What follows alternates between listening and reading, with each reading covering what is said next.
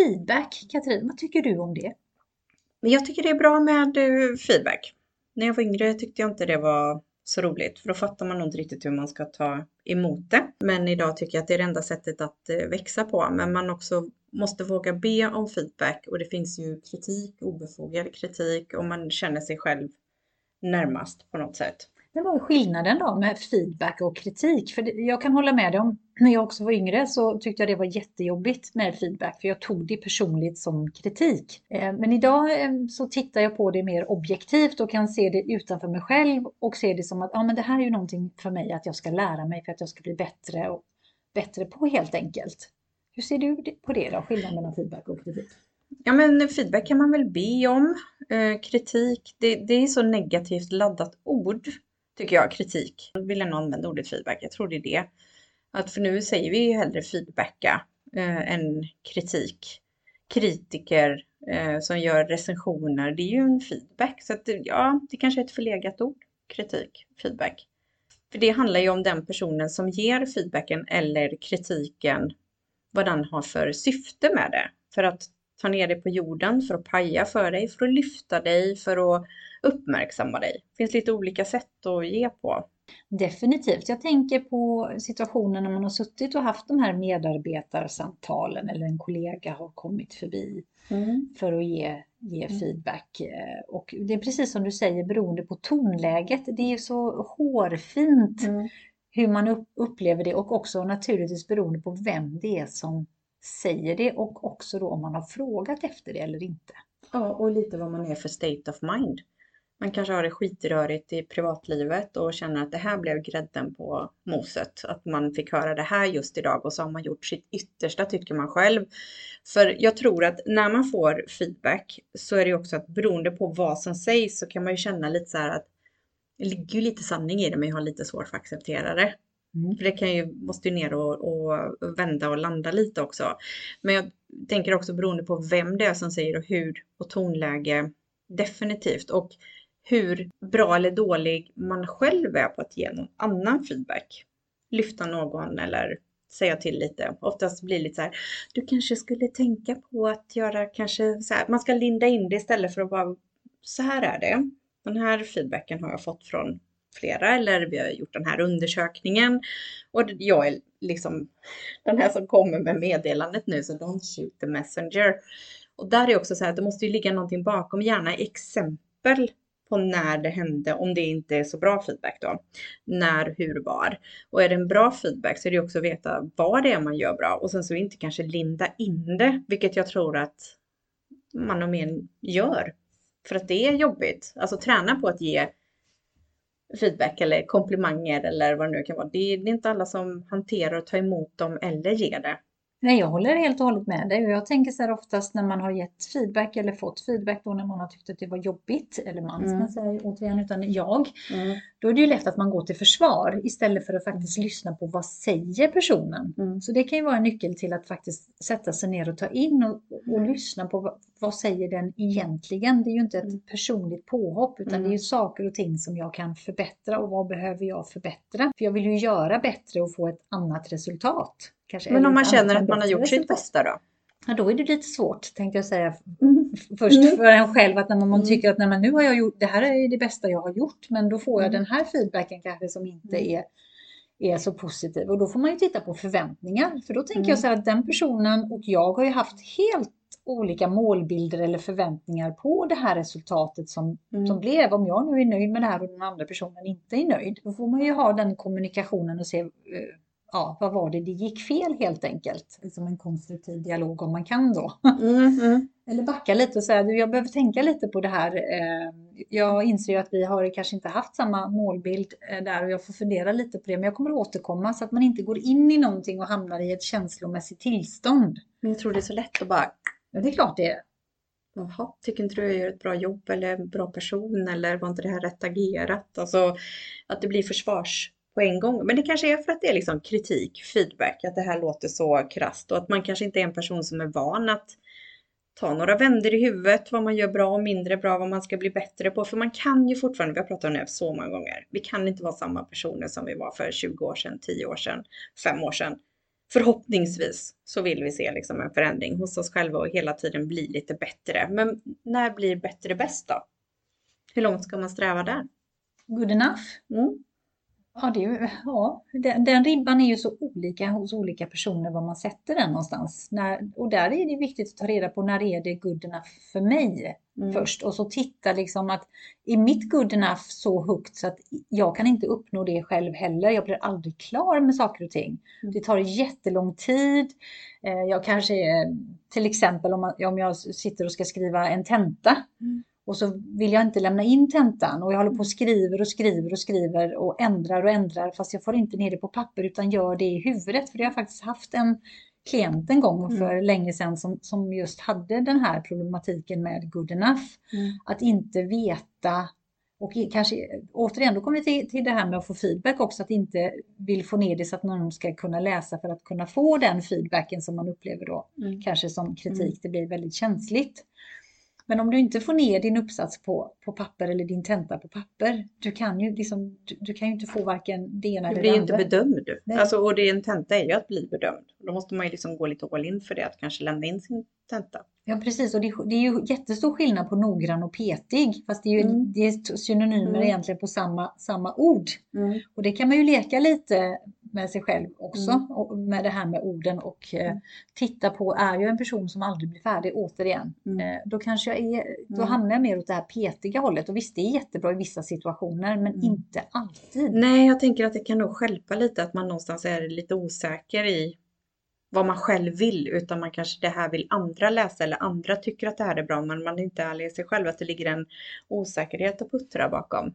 Då får jag när, när jag hör när du beskriver om den här klienten, så tänker jag att den måste ju vara lite osäker i vad den egentligen vill få på pränt. Är det här att om man är petig eller inte vill ha ner, att man inte gör det för att man själv, en tenta ska man ju göra för att, eller en uppsats, för det man själv har för intryck och sina egna grejer och inte skriva för någon annan. Att det ligger sån osäkerhet i sig själv att, ja, jag vet inte, eller så har man inte fattat uppgiften. kan ju vara så. Jag tänker ju lite åt, åt ett helt annat håll och så Mm. tänker jag kanske när den här personen var lite mindre så fick man aldrig beröm när man Mm, gjorde någonting mm. som var bra utan Mm. man fick alltid höra när man hade gjort något dåligt. Till exempel den här föräldern som kommer och säger så här Oj, hade du två fel på provet? Hur kom det sig att du fick två fel? Istället för Mm. att se Oj, du hade, Mm. alltså, du hade så här Mm. många Mm. rätt liksom. Men fokusera på, på det som inte var rätt.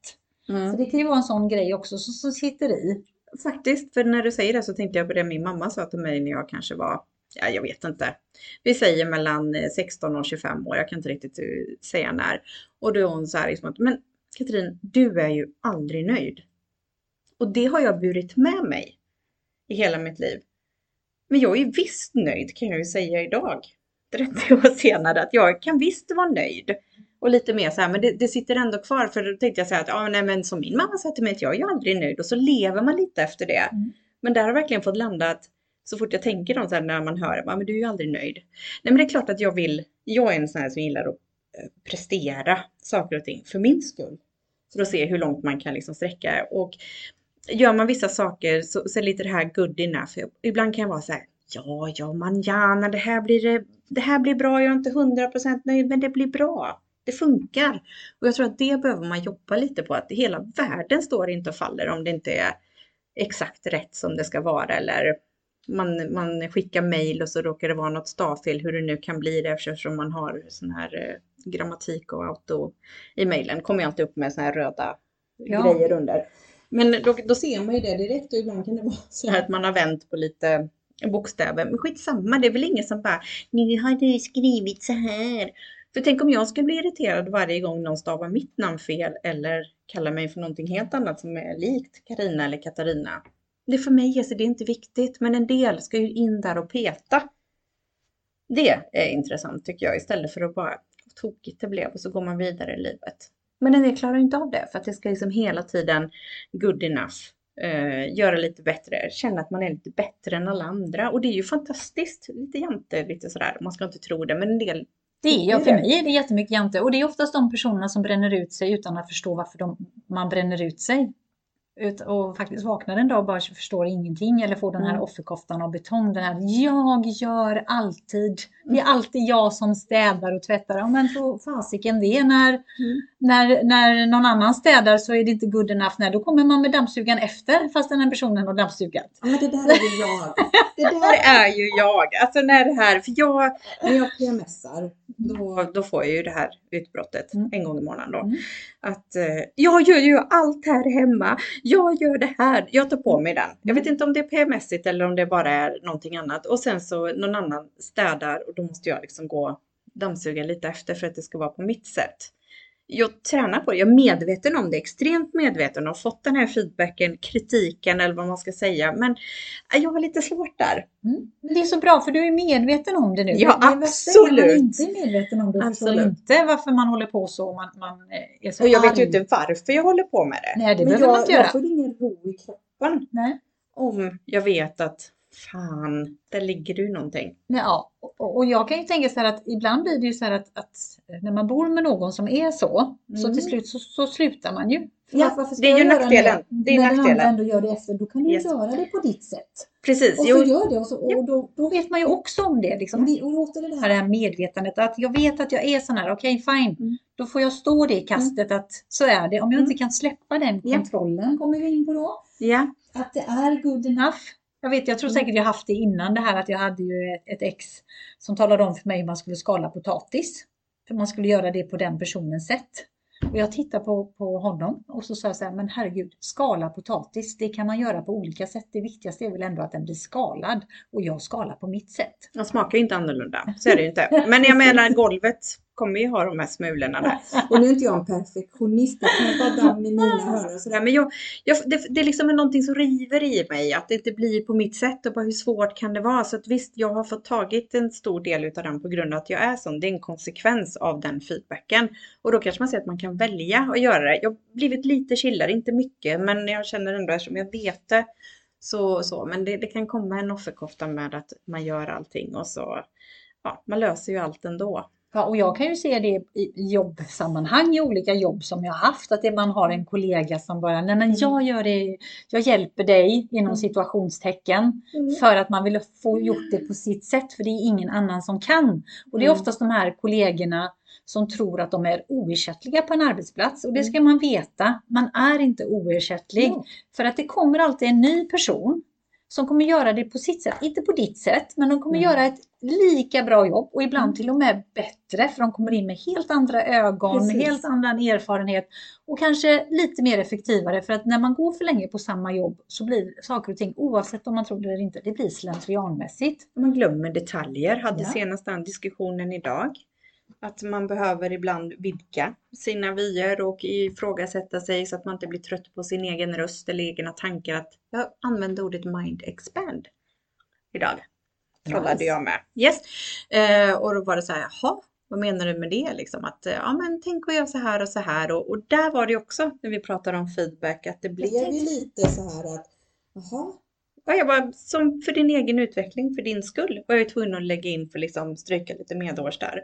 För det var ju absolut inget illa, men det kommer liksom kanske överrumplande fram där. Men jag vill ju så väl att man ska känna att man utvecklas, man får saker, man blir hela tiden mycket bättre och skruvar de här små skruvarna på sig själv. Att jag gör det här skitbra, men kan jag göra det snabbare? Kan jag göra det effektivare? Kan jag göra det ännu bättre? Kan jag vara mer professionell?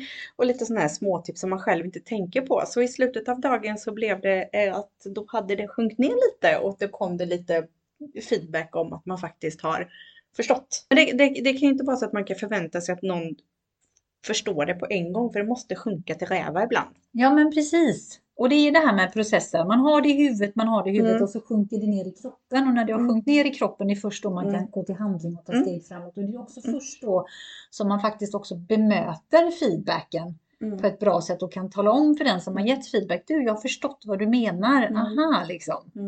Eh, och är det så att när, när man har processat och så tänker man sig, nej men den här feedbacken var orättvis för att den här personen kanske inte vet allting som hände. Då har man ju också processat att man kan konstruktivt säga, du, du har inte fått den här informationen och det kan kanske vara till hjälp till att det blev så här. Mm. Men jag ska Mm. verkligen tänka på det nästa gång att Mm. livrem och hängslen pratar jag om här nu.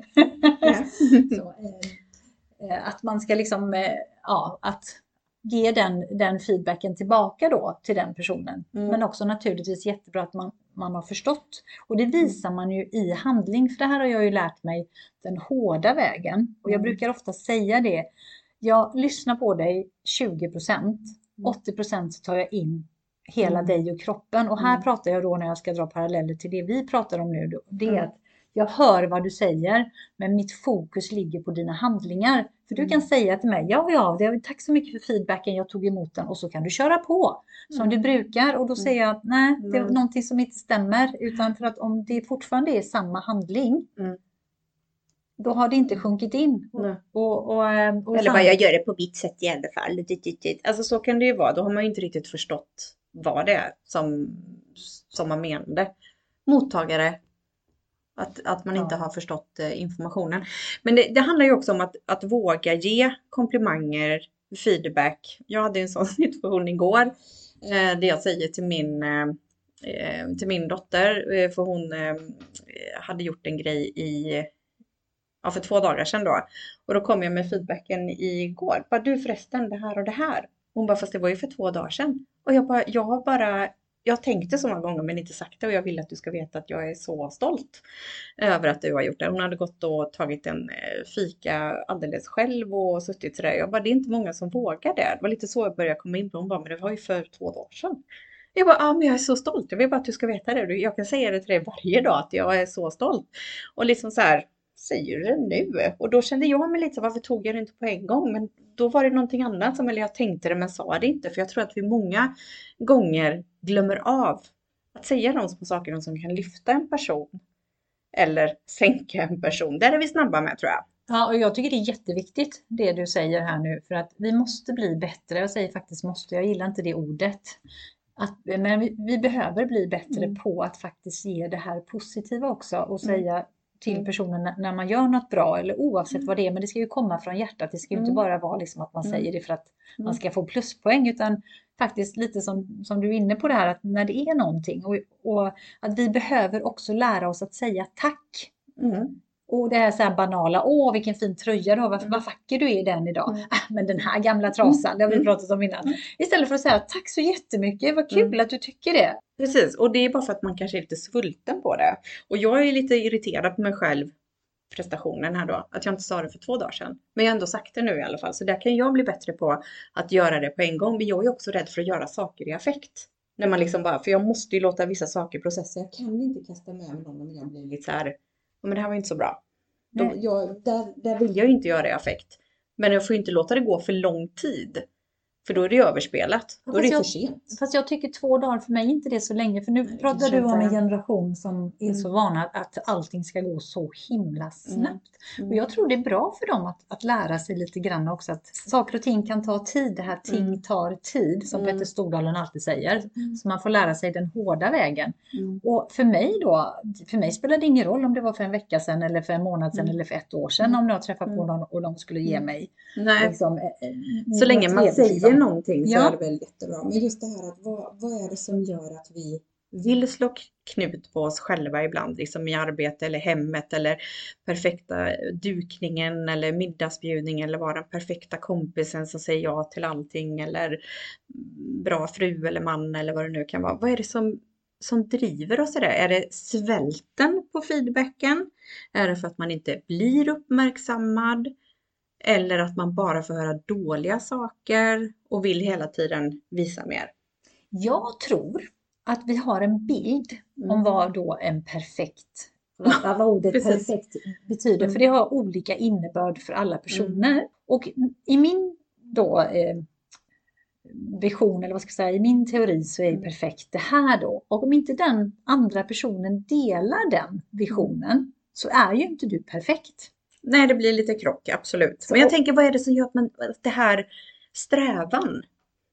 Men man vill ju bli omtyckt. Vi har ju pratat om det innan. Ja. Man vill ju bli omtyckt och att man, man, man vill inte att folk ska bli arga eller besvikna eller ledsna på en. Du är inne jämte igen. Det här att man, man är till lags för alla. Eh, och jag tror också återigen att det har med, mycket med uppfostran att göra. Mm. För att jag upplever, och jag kan ju ha helt fel här, men jag upplever inte att män eller killar då eh, har samma issues med detta så som vi kvinnor och tjejer har. Ja, för att det ska vara den här duktig flicka. Mm. Duktig pojke pratar man ju inte jätteofta om. Nej, utan de är ju lite mer ångvältar eh, och Mm. tar för sig på ett helt Mm. annat sätt. Vilket, kanske blir jätteensamma för att de inte får den här, de har andra förväntningar. Ja, nej, det, det blir så här lite krock i huvudet. ja, fast de får inte så. känna. Alltså där har vi ju det här med att mm. man ska inte visa att Mm. man gråter eller och blir man Mm. arg så är det okej och Mm. det är inte okej att slå någon oavsett men Mm. det är oftast en rak höger. Man kan se hur små killar när de börjar bråka liksom Mm. att det är på ett visst sätt. Ordbehandling. Mm. Ja men precis. Nej, men jag tycker att vi alla borde bli lite bättre på att eh, ge komplimanger, fråga om feedback eller kanske bara sådär inte för mycket av den här, vad tycker du? För det kan låta som att man inte har, har någon självkänsla alls, men ibland så här, vad tycker du om, om den här toppen? För jag funderar på den här, skulle den passa mig? Och sen så faktiskt våga ta emot svaret och sen paketera ner den på något sätt i det hela. Så att det tycker jag att man kan ja, men ge komplimanger med. Ge tre komplimanger till random personer under nästa vecka och se vad det gör med dig för att ge den. För det är lite så här jobbigt att ge någonting för man vet inte hur personen kan ta emot komplimanger eller hur man kan lyfta någon. Och samtidigt när man ger feedback att faktiskt ehm, ja, men ge ett exempel. Var liksom så här, har du den här övningen eller den här uppgiften, har vi förstått den? Alltså man får det bekräftat någonstans. Så kanske det blir lite lättare. Om man bara är lite medveten om det. Mm. Och jag skulle vilja lägga till här, bara lite som avslut också, det här med good enough som vi har pratat om. Mm. Var ligger din ribba någonstans? Tack för att du har lyssnat på oss här idag och vi hoppas att du vill lyssna på nästa avsnitt. Vi tar jättegärna emot feedback, eh, frågor, funderingar, tankar från dig som har lyssnat och då får du jättegärna mejla till katrin och simona.gmail.com och följ oss jättegärna på Instagram under, Instagram under samma namn, Katrin och Simona.